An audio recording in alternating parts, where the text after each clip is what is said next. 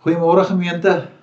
Ek vertrou dit gaan baie baie goed met elkeen van julle so op hierdie naderende winter. Ek het baie netjies aangetrek. Ek het nou vir my truitjie aangetrek vanmôre ook. Want vanmôre het ek nou opstaan toe kry ek 'n bietjie koud en ek sien hierdie hele week wat voor lê gaan nog al redelik koud raak. Maar wat ons is nie bang vir koue in die Kaap nie. Ons is uh, ons is sterk hier in die Kaap. Maar baie baie welkom aan elkeen van julle. Ek wil net weer voor ek begin daarom sê ons verlang verskriklik na almal.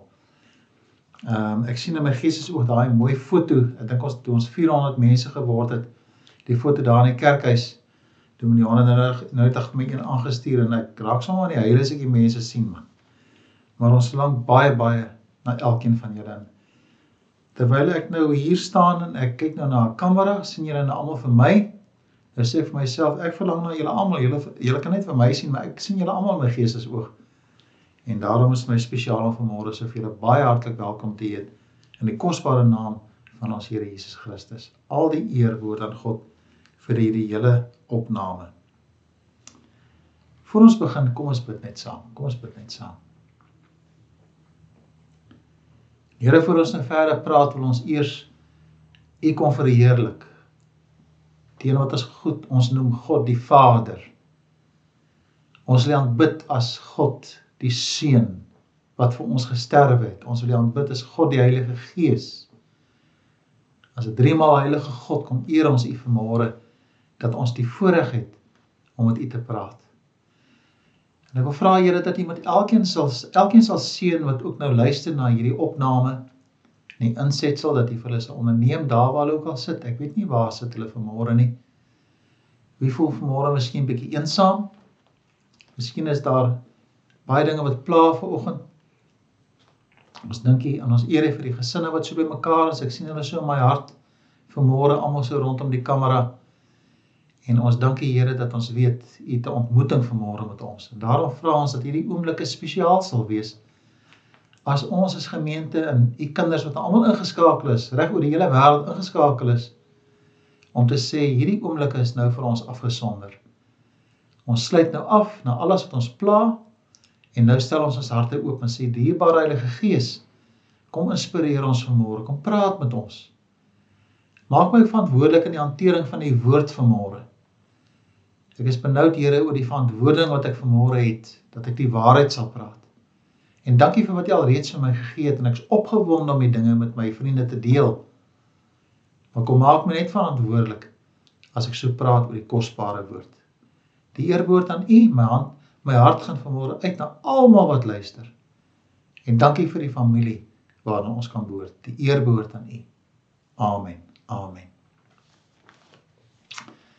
Ek vertrou dat jy al 'n goeie oggend gehad het so op hierdie Sondag, die dag wat ons afsonder vir die Here en dat jy baie spesiaal wil begin om die teenwoordigheid van die Here op 'n baie unieke manier te ervaar. Nou, nou voor ek die skrifgedeelte aan julle wil voorhou, wil ek maar net vir u vra ek ek ek ek, ek, wil maar vir julle sommer nou sê bly maar aangeskakel tot die einde toe. Daar is so 'n paar dinge wat ek graag vir u wil noem.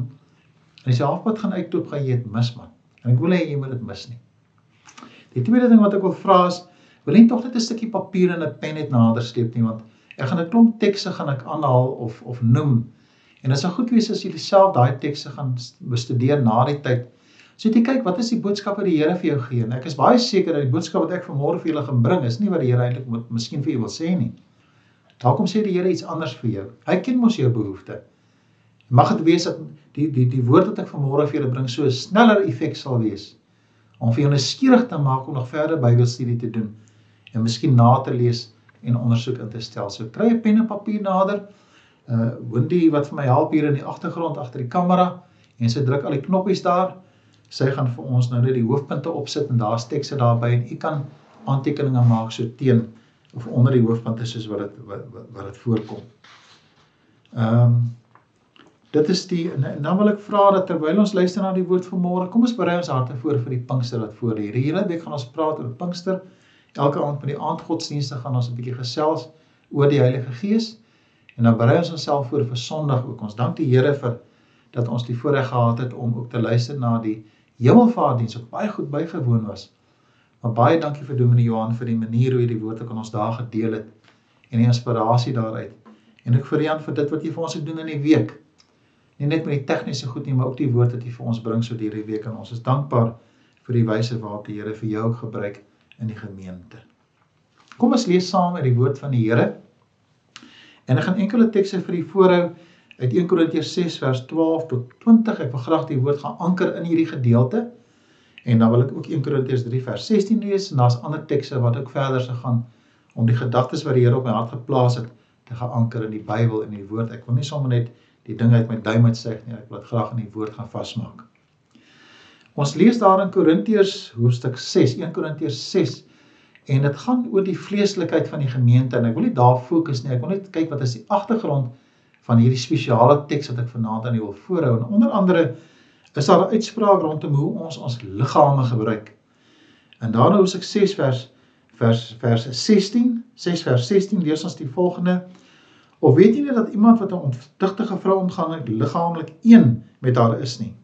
God sê die twee sal een word as hy verwys na Genesis, nadat Adam en Eva mekaar ontmoet het op 'n baie spesiale manier natuurlik. Vers 17 lees ons die volgende: Maar wie met die Here verenig, is geestelik een met hom. Ons verhouding met God, die Heilige Gees en die Here Jesus Christus maak ons een met die Vader. En Jesus het dit dikwels ook verklaar in die Nuwe Testament soos hy sy disippels en ons geleer het. En dan sê hy in vers 18 moet niks met 'n seksuele losbandigheid te doen nie, losbandigheid te doen nie. Elke ander sonde wat 'n mens doen vind buite sy liggaam plaas. Maar iemand wat seksueel losbandig lewe, gryp hom aan sy eie liggaam. En dan is daar 'n spesiale wending wat vir my so en ek wil graag vanmôre praat oor hierdie twee tekste verse 19 en 20. Kom ons lees net daai twee tekste baie spesiaal saam. Of besef julle nie dat julle liggaam 'n tempel van die Heilige Gees is nie? Julle het die Heilige Gees wat in julle woon van God ontvang en julle behoort nie aan julleself nie. Julle is gekoop en die prys is betaal. Julle moet God dus in julle liggaam verheerlik. Ek gaan nou net 'n bietjie gesels oor daardie geel gedeeltes wat ek daar in die in die teks aangehaal het. Ek lees ook daar in 1 Korintiërs 3 vers 16 en 17 die volgende: Weet julle nie dat julle liggaam dat julle tempel van God is en dat die gees van God in julle woon nie? As iemand die tempel van God beskadig, sal God hom straf, want die tempel van God sê die Bybel is heilig. En dan baie spesiale verklaring: die tempel is julle. Tot sover net hierdie twee ankertekste vir dit wat ek vertrou die Here vanmôre so op my hart kom plaas het. Baie spesiaal dat die Here in die wyse wat hy ons of, of ten minste in in in in in in die, in die gedeelte wat vir ons hier voorgehou word, die brief van die Korintiërs, baie spesiaal uitspel hoe dit ons 'n tempel van die Heilige Gees is. As ons dink aan Pinkster wat voorlê en die wyse waarop die Heilige Gees met ons omgaan dan sê die Bybel dat die Heilige Gees verklaar ons of, of, of ons word verklaar dat ons 'n tempel van die Heilige Gees is. Nou die tempel het vir my twee baie belangrike toetse. Twee baie belangrike toetse wat ek graag wil hê ons oral saam met ons moet trek deur hierdie boodskap. As ons dan lees hoe dat die Here vir ons kom vertel en as ons daar gaan lees in 1 Kronieke 7, dan lees ons van Salomo wat die tempel gebou het in Hoofstuk 6. Het hy gebed van toewyding rondom hierdie tempel. En dan in Hoofstuk 7, baie spesiaal vanaf vers 1 word gesê dat toe die magtige teenwoordigheid die tempel gevul het, was dit teenwoordigheid teenwoordigheid so geweldig, so groot gewees dat niemand in die tempel kon ingaan en die hele volk buig daar op die plaveisel as hulle hulde en eer aan God bring. Hierdie spesiale manier hoe God die tempel ingewy het of ten minste ingeneem het, gaan saam met sy teenwoordigheid en die heiligheid wat daarmee saam. Hulle kon nie ingaan nie. En ons onthou dat as ek kom by die tempel en veral die tabernakel, jy kon dit ingaan as jy heilig was, afgesonder was, reggemaak is deur die offer wat jou sondes vergewe, die hoofpriester moes spesiaal homself afsonder voor hy in die allerheiligste kon ingaan. Dis 'n plek waar die teenwoordigheid van God gesien word fisies in die wêreld. As hulle gesê het, "Waar is God?" dan hulle gesê, in die tempel en ons weet hoe belangrik die tempel in Jerusalem vir Israel was. So in terme van hierdie gedeelte wil ek baie graag dan net weer gou terug gaan na daai teks toe. Dis nou uh 1 Korintiërs 6 vers 19 en 20. Kom ons kyk net hoe word die drie eenheid in hierdie teks saamgevat. Of besef jy nie dat die liggaam 'n tempel van die Heilige Gees is nie? Julle het die Heilige Gees wat in julle woon van God ontvang. Julle behoort nie aan julleself en aan baie spesiale verklaring van die Here Jesus Christus. Julle is gekoop. Die prys is betaal. Julle moet dus God in julle liggaam verheerlik. Nou in die konteks waarin hierdie teks staan, gaan dit juis oor 'n liggaam wat onteer was. Herinner hy as kinders van God is op 'n tempel van die Heilige Gees. Nou sê ek, hoe verstaan ons hierdie teks? Die tempel van die Heilige Gees of 'n tempel van God. En vir 'n oomblik word my hart gevul met die met die drie verduidelikings van God in die teks. En daarom wil ek graag vir u uitnooi vanmôre om saam met te kyk na God die Vader, God die Seun en God die Heilige Gees. Ek wil nie onderskeid tref nie. Dis om dis om te sê God die Vader, God die Seun en God die Heilige Gees. En ek wil vanmôre bewering maak as ons hierdie drie verduidelikings van God nie verstaan nie, en dit is nie deel van ons lewe nie, dan sal ons nie verstaan wat dit beteken om 'n tempel van die Heilige Gees te wees nie. Nou ons moet saamstem. Ek kan nie in diepte ingaan in hierdie drie verduidelikings nie of hierdie drie verklaringe nie. Daar is net te veel inligting.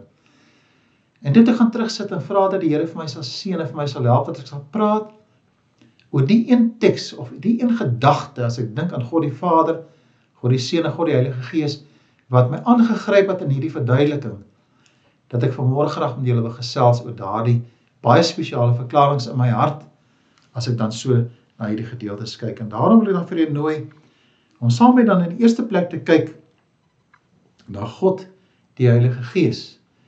En as ons kyk daarna, maak sommer 'n aantekening daar op die papiertjie of die pen, die potlood en die papier. Jy kan 'n uitveer ook maar saambring. Ons maak maar die foute waar ons praat oor God die Heilige Gees. En jy sal sien ek praat van God die Heilige Gees. Praat ons in 6 vers 9 nie wat so besef nie dat julle liggaam 'n tempel van die Heilige Gees is nie. Julle het die Heilige Gees wat in julle woon van God ontvang. Julle behoort nie aan julleself nie. Sy later praat oor daai besitreg van God.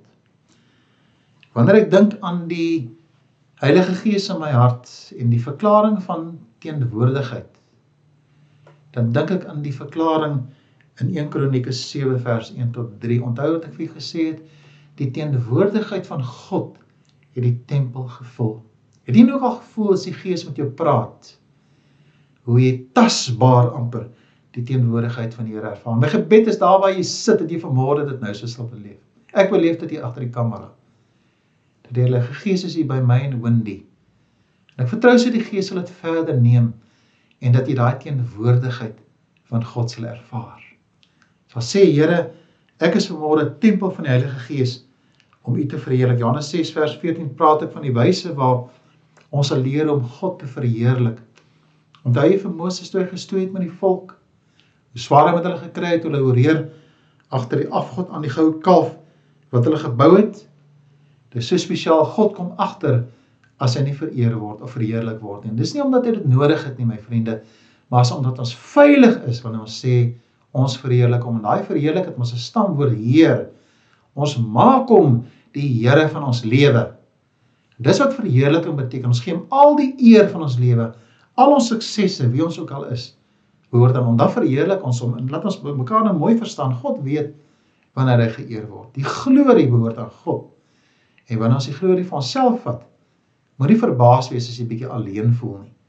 Ons gee die Here al die eer dat hy saam met ons is. En dan baie spesiaal lees ons ook dan in Johannes 16 vers 8 tot 11. Ek wil graag aan hierdie hierdie is die gedeelte wat my seker die meeste aangegryp het wanneer ek praat oor die Heilige Gees. Daardie belofte in die van die Heilige Gees wat kom en sê wanneer hy kom sal hy bewys dat die wêreld skuldig is aan sonde. Dat ons verkeerd is, nê? Nee. En dat die reg aan my kant is en dat die oordeel al gekom het. Die wêreld is skuldig aan sonde want die wêreld glo my glo nie aan my nie. Die reg is aan my kant. Want ek gaan na my Vader toe en julle sal my nie meer sien nie. Die oordeel het al gekom want die owerste van hierdie wêreld is al klaar veroordeel. Wat 'n kosbare gedeelte. Wat 'n spesiale gedeelte as ons dit so voorhou die wyse waarop die Heilige Gees ons kom oortuig in ons lewens wat reg en verkeerd is. Nou Jesus was beskuldig geweest en, uh, en dit was moeilik om as mense te verstaan waar die Here Jesus pas in die prentjie in. Maar toe die Heilige Gees kom te word baie dinge vir ons duidelik, onder andere die probleem met ons hart, die probleem wie ons is en wat ons is in hierdie wêreld. Van graag vir hulle verwys na die kosbare getuienis van Corrie ten Boom. Corrie ten Boom sy is 'n jong meisie is sy in die Tweede Wêreldoorlog weggevoer in 'n Duitse konsentrasiekamp. En sy getuig van, dis 'n baie bekende getuienis van haar. Getuig sy hoe sy wat hulle moes doen, hulle moes hulle al hul klere uittrek en naak staan voor hulle vriende en voor almal en sy het vir haar, ek dink dit is haar suster se naam was Betsy gesê, Betsy, ek kan nie hierdie doen nie. En die oomblik toe sy haar hart stil maak, toe sien sy die Here Jesus Christus se klere word verdeel en hy hang naak aan die kruis. En op daai oomblik besef sy, sy verstaan sy lyding. En sy aanvaar die lot van die naaktheid wat sy voor hierdie mense gestaan het. Verskriklike tyd wat hy beleef het. Later jare nadat hulle bevry is en daar ook dan die die die die die hofsaake wat plaasgevind het, is hy daar in Duitsland en ehm uh, terwyl hy in Duitsland is, kom 'n soldaat na haar toe. Die soldaat sê vir haar ek het ook in die konsentrasiekamp uit ek die mense verniel. Maar die Here het in my hart ingekom en ek het die vergifnis van God ontvang. En hy het my sonde vergewe. En ek het die Here so mooi gevra dat ek wil graag met die mense praat wat ek so verniel het. En Fraulein Boom, jy's jy's een van hulle. Sal jy my nie vergewe nie? Toe sy opkyk, toe sien sy dit is die man wat hulle opgepas het. 'n Wreedaardige man. Hulle het baie swaar gekry onder hom. En vir 'n oomblik sê sy ek kan hom nie vergewe nie. En 'n ander ding sê aan haar suster wat dood is as gevolg van haar geweldige aanrandings en wat daar gebeur het in die konsentrasiekamp. En toe sien sy die Here aan die kruis. En sy sien hy vergewe hulle. Hy vergewe ons. En sy hoor die gebed wat Jesus geleer het. Vader, vergewe ons soos ons ons skuldenaars, soos ons ons skuldenaars vergewe. Dit is dan so spesiaal dat sy dan op daai oomblik het sy haar hart oopgemaak en sy het vrede gemaak met op daardie oomblik met daardie man en dit wat hy aangevang het. Het sy sy hand geneem en hom vergewe en ek wil baie graag Romeine 5 vers vers 5 ook net graag aan die voor 'n pragtige teks hier. Hy sê en die hoop beskaam nie want God het sy liefde in ons harte uitgestort deur die Heilige Gees wat hy ons gegee het. Jy sien die oomblik as die Heilige Gees in ons harte is, dan is daar net een aanduiding en dit is Christus. Sy sien Christus. Sy sien die genade van God. Sy erken die liefde wat God in haar hart kom saai het. En sy is in staat om te vergewe. Is dit nie spesiaal dat as ons tempel van die Heilige Gees is en ons is afgesonder van God en ons erken ons het die teenwoordigheid van God, dan lewe ons 'n lewe van vergifnis. Die Johan het ons so mooi uitgespel in die studie oor die gebed wat die Here vir ons kom leer het in Matteus 6. En ek sal ek ek, ek kan so goed onthou het omdat ons gepraat het oor vergifnis. Maar vergifnis u hart aangryp my vriende. In my persoonlike lewe nê is daar niks wat my so steur in my verhouding met God as 'n gees van onvergewensgesindheid. En daarom het ek dit baie keer vir u gesê, voor ek op die kansel staan en soos ek hier voor u staan, is daar 'n hart van vergifnis. Ek vergewe mense voor ek hier staan. Ek en Hoenie het groot vrede op 'n Saterdag aand. Ons maak vrede. Ek maak vrede met my kinders. Want ek kan nie op die kansel gaan staan met onvrede en onvergewensgesindheid in my hart nie. Daarom sê ek Heilige Gees, asseblief kom help my om 'n lewe van vergifnis te lei. Dit beteken onder andere Ek wag nie tot iemand iets kwaad doen teenoor my voor ek vergewe nie. Ek lei 'n lewe van vergifnis. Die oomblik as iemand teenoor my tree en kry seer, vriende, dan gaan bid ek nie eers oor die saak of kom nie eers oor myself nie, dan gaan lek nie eers my wonde een kant nie. Ek vergewe onmiddellik. Dis iets wat wanneer van my baie gou geleer het in my lewe.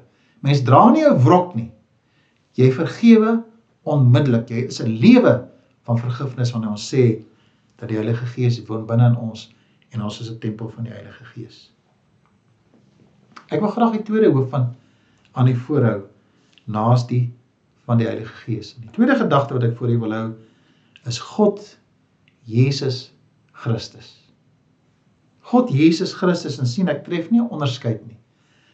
Maar ek wil baie graag met u praat oor die Here Jesus Christus. Die Bybel sê vir ons hierdie dat die prys is betaal sê daardie teks vir ons. Die prys is betaal ons behoort nie aan onsself nie. En die teks wat ek dan ook baie spesiaal aan u wil voorhou is dat ons uh, is dat ons praat ook van Johannes 14 vers 6. Johannes 14 vers 6 wat vir my so spesiaal is waar Jesus sê ek is die weg en die waarheid en die lewe. Kom ons kyk net aan daai teks. Ek is die weg. Dan praat hy van waarheid en hy praat van lewe en dan die waarskuwing. Niemand kom na die Vader behalwe deur my nie. Per implikasie.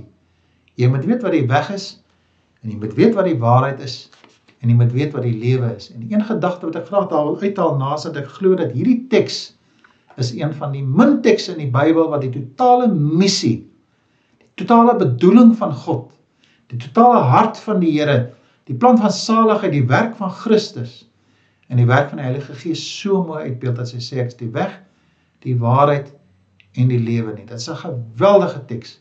En as jy ooit na ooit vir iemand wil lei na die Here toe of vertel wie God is, gaan na hierdie teks toe.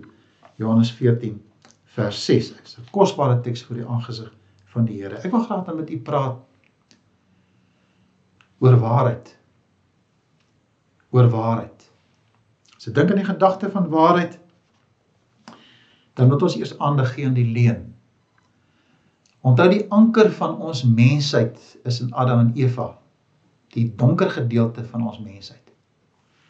Eerste ding wat die versoeker vir, vir, vir Eva leer is om ontevrede te wees oor haarself en alleen sy fyn kunsie aan oor die leuen, want hy begin met 'n leuen.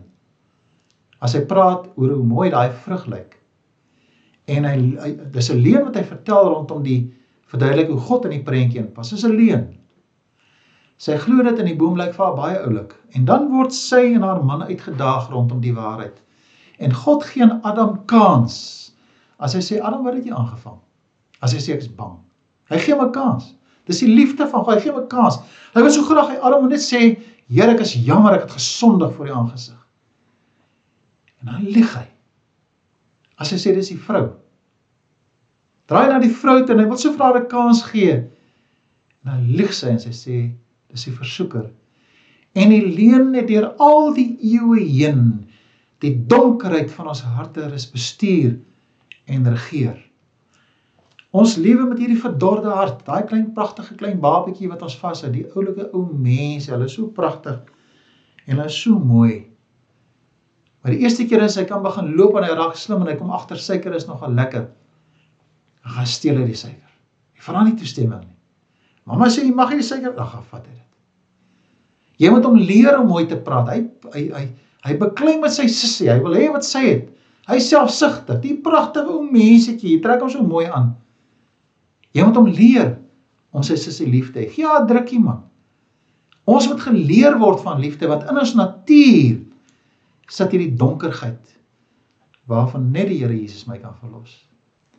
Want hy is die weg en die waarheid en die lewe. Dit gaan oor 'n verhouding met God en daarom wil ek dan graag verwys na die baie spesiale gedeelte in Johannes 18 vers 37 en 38 37 en 38 uh, uh, Pontius Pilatus reageer as hy sê dan is jy tog wel 'n koning as die Here sê ja dis waar vra vra Pilatus. Dit is soos u u sê ek is 'n koning antwoord Jesus ek moet let wel op oor die waarheid getuienis af lê hiervoor is ek gebore En hiervoor gaan ek na die het na die wêreld toe gekom. Elkeen wat aan die waarheid behoort, luister na wat ek sê. En dan die baie beroemde vraag wat in wysbegeerte en filosofie so spesiaal is. Ons begin ons met daai studie sê wat is waarheid? sê Pilatus toe vir hom. Dit dit sê gaan hy weer uit na die Jode toe en sê sê vir hulle ek vind geen skuld in hom nie baie baie sensitiwiteit in die geskiedenis van Christus in hierdie wêreld. Wat is waarheid? Daar's 'n klompie mense in hierdie toneel. Daar's daar's Pilatus. Vir hom is waarheid gesetel in die Romeinse beleid van glorie. Is Jesus 'n koning? En as Jesus 'n koning soos wat hy dit verstaan, 'n koning is en dit raak sy vyand, want daar kan net een koning wees, dan maak hy hom dood. Maar as hy na Jesus kyk, hierdie vernederde mens, dan kan hy nie 'n koning sien wat hy kan aanvat nie. En uit sy verwysingsrame uit, uit van waarheid sê hy ek vind hom onskuldig. Jesus, wat is waarheid? Die die die die die Jode wat hom daarna toe gesleep het, die die hoëpriester en almal wat die opdrag gegee het, skrifgeleerdes, fariseërs, almal is daar. Hulle verwysing is Judaïsme. Die wet. Jy kan nie sê jy is God nie. Hoe durf jy sê dat jy sal die tempel afbreek eh, en in 3 dae weer herbou? Jy raak in heiligheidskennis. En vir hulle is hy skuldig, dis die waarheid. Dan is daar die skare. Wel, die skare het nie opinie nie. Hulle volg maar en doen maar wat die mense vir hulle sê hulle moet doen.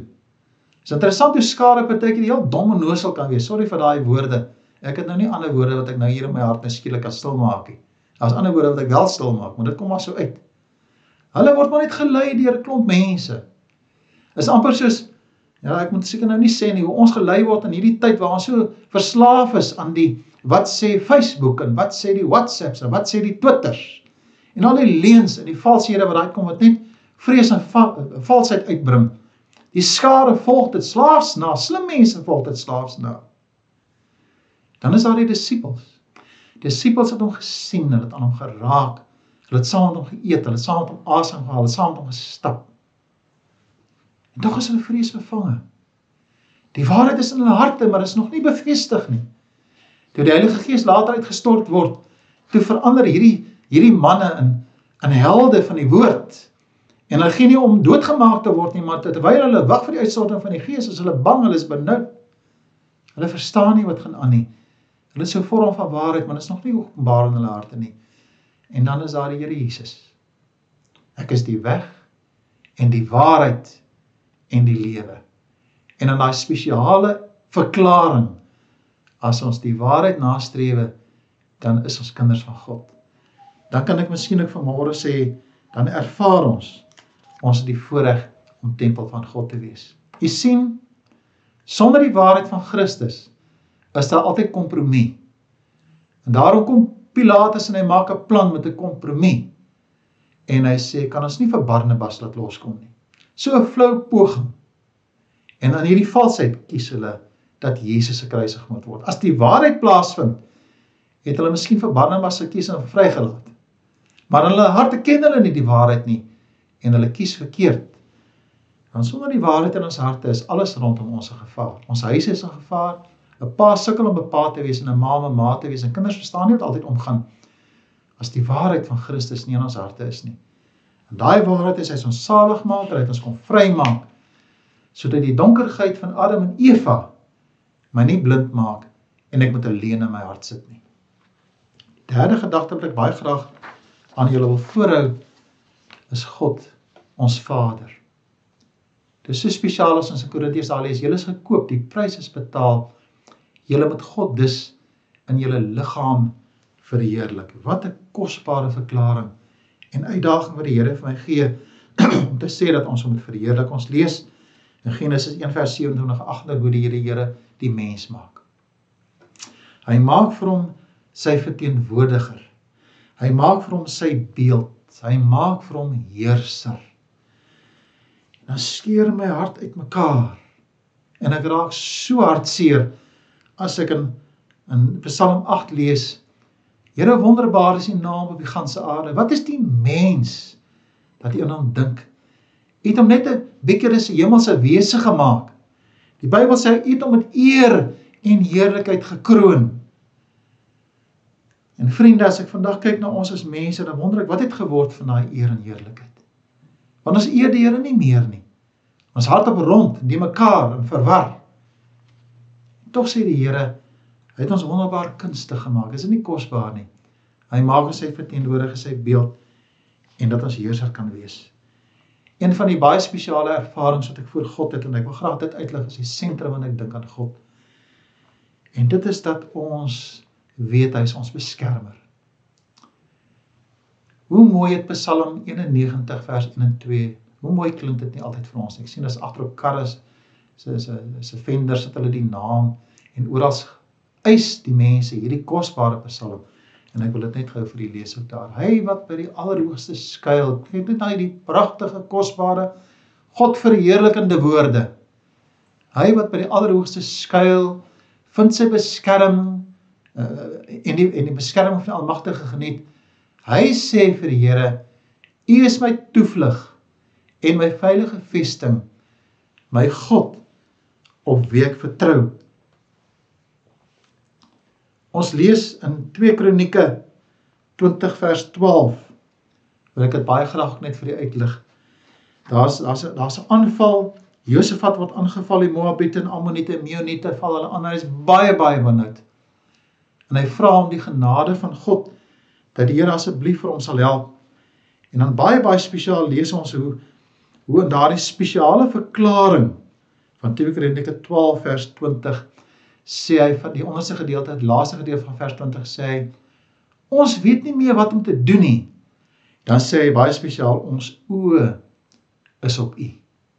Ons oë is op U dan hoor ons Psalm 91. Ek hoor Psalm 27 vers 1 wat sê Here is my God is my lig en my redder vir wie sou ek vrees? Dan sê al het die aanval ook begin later in die Psalm sê al het dit ook begin sê ek nog steeds sal ek nie vrees en sy geheim lê dan dat hy sê dat ek in die huis van die Here sal wees want in daai dag van benoudheid sal hy my kom beskerm. Miskien is dit iets wat ons gereeld van mekaar moet sê in hierdie tyd waar ons nou is.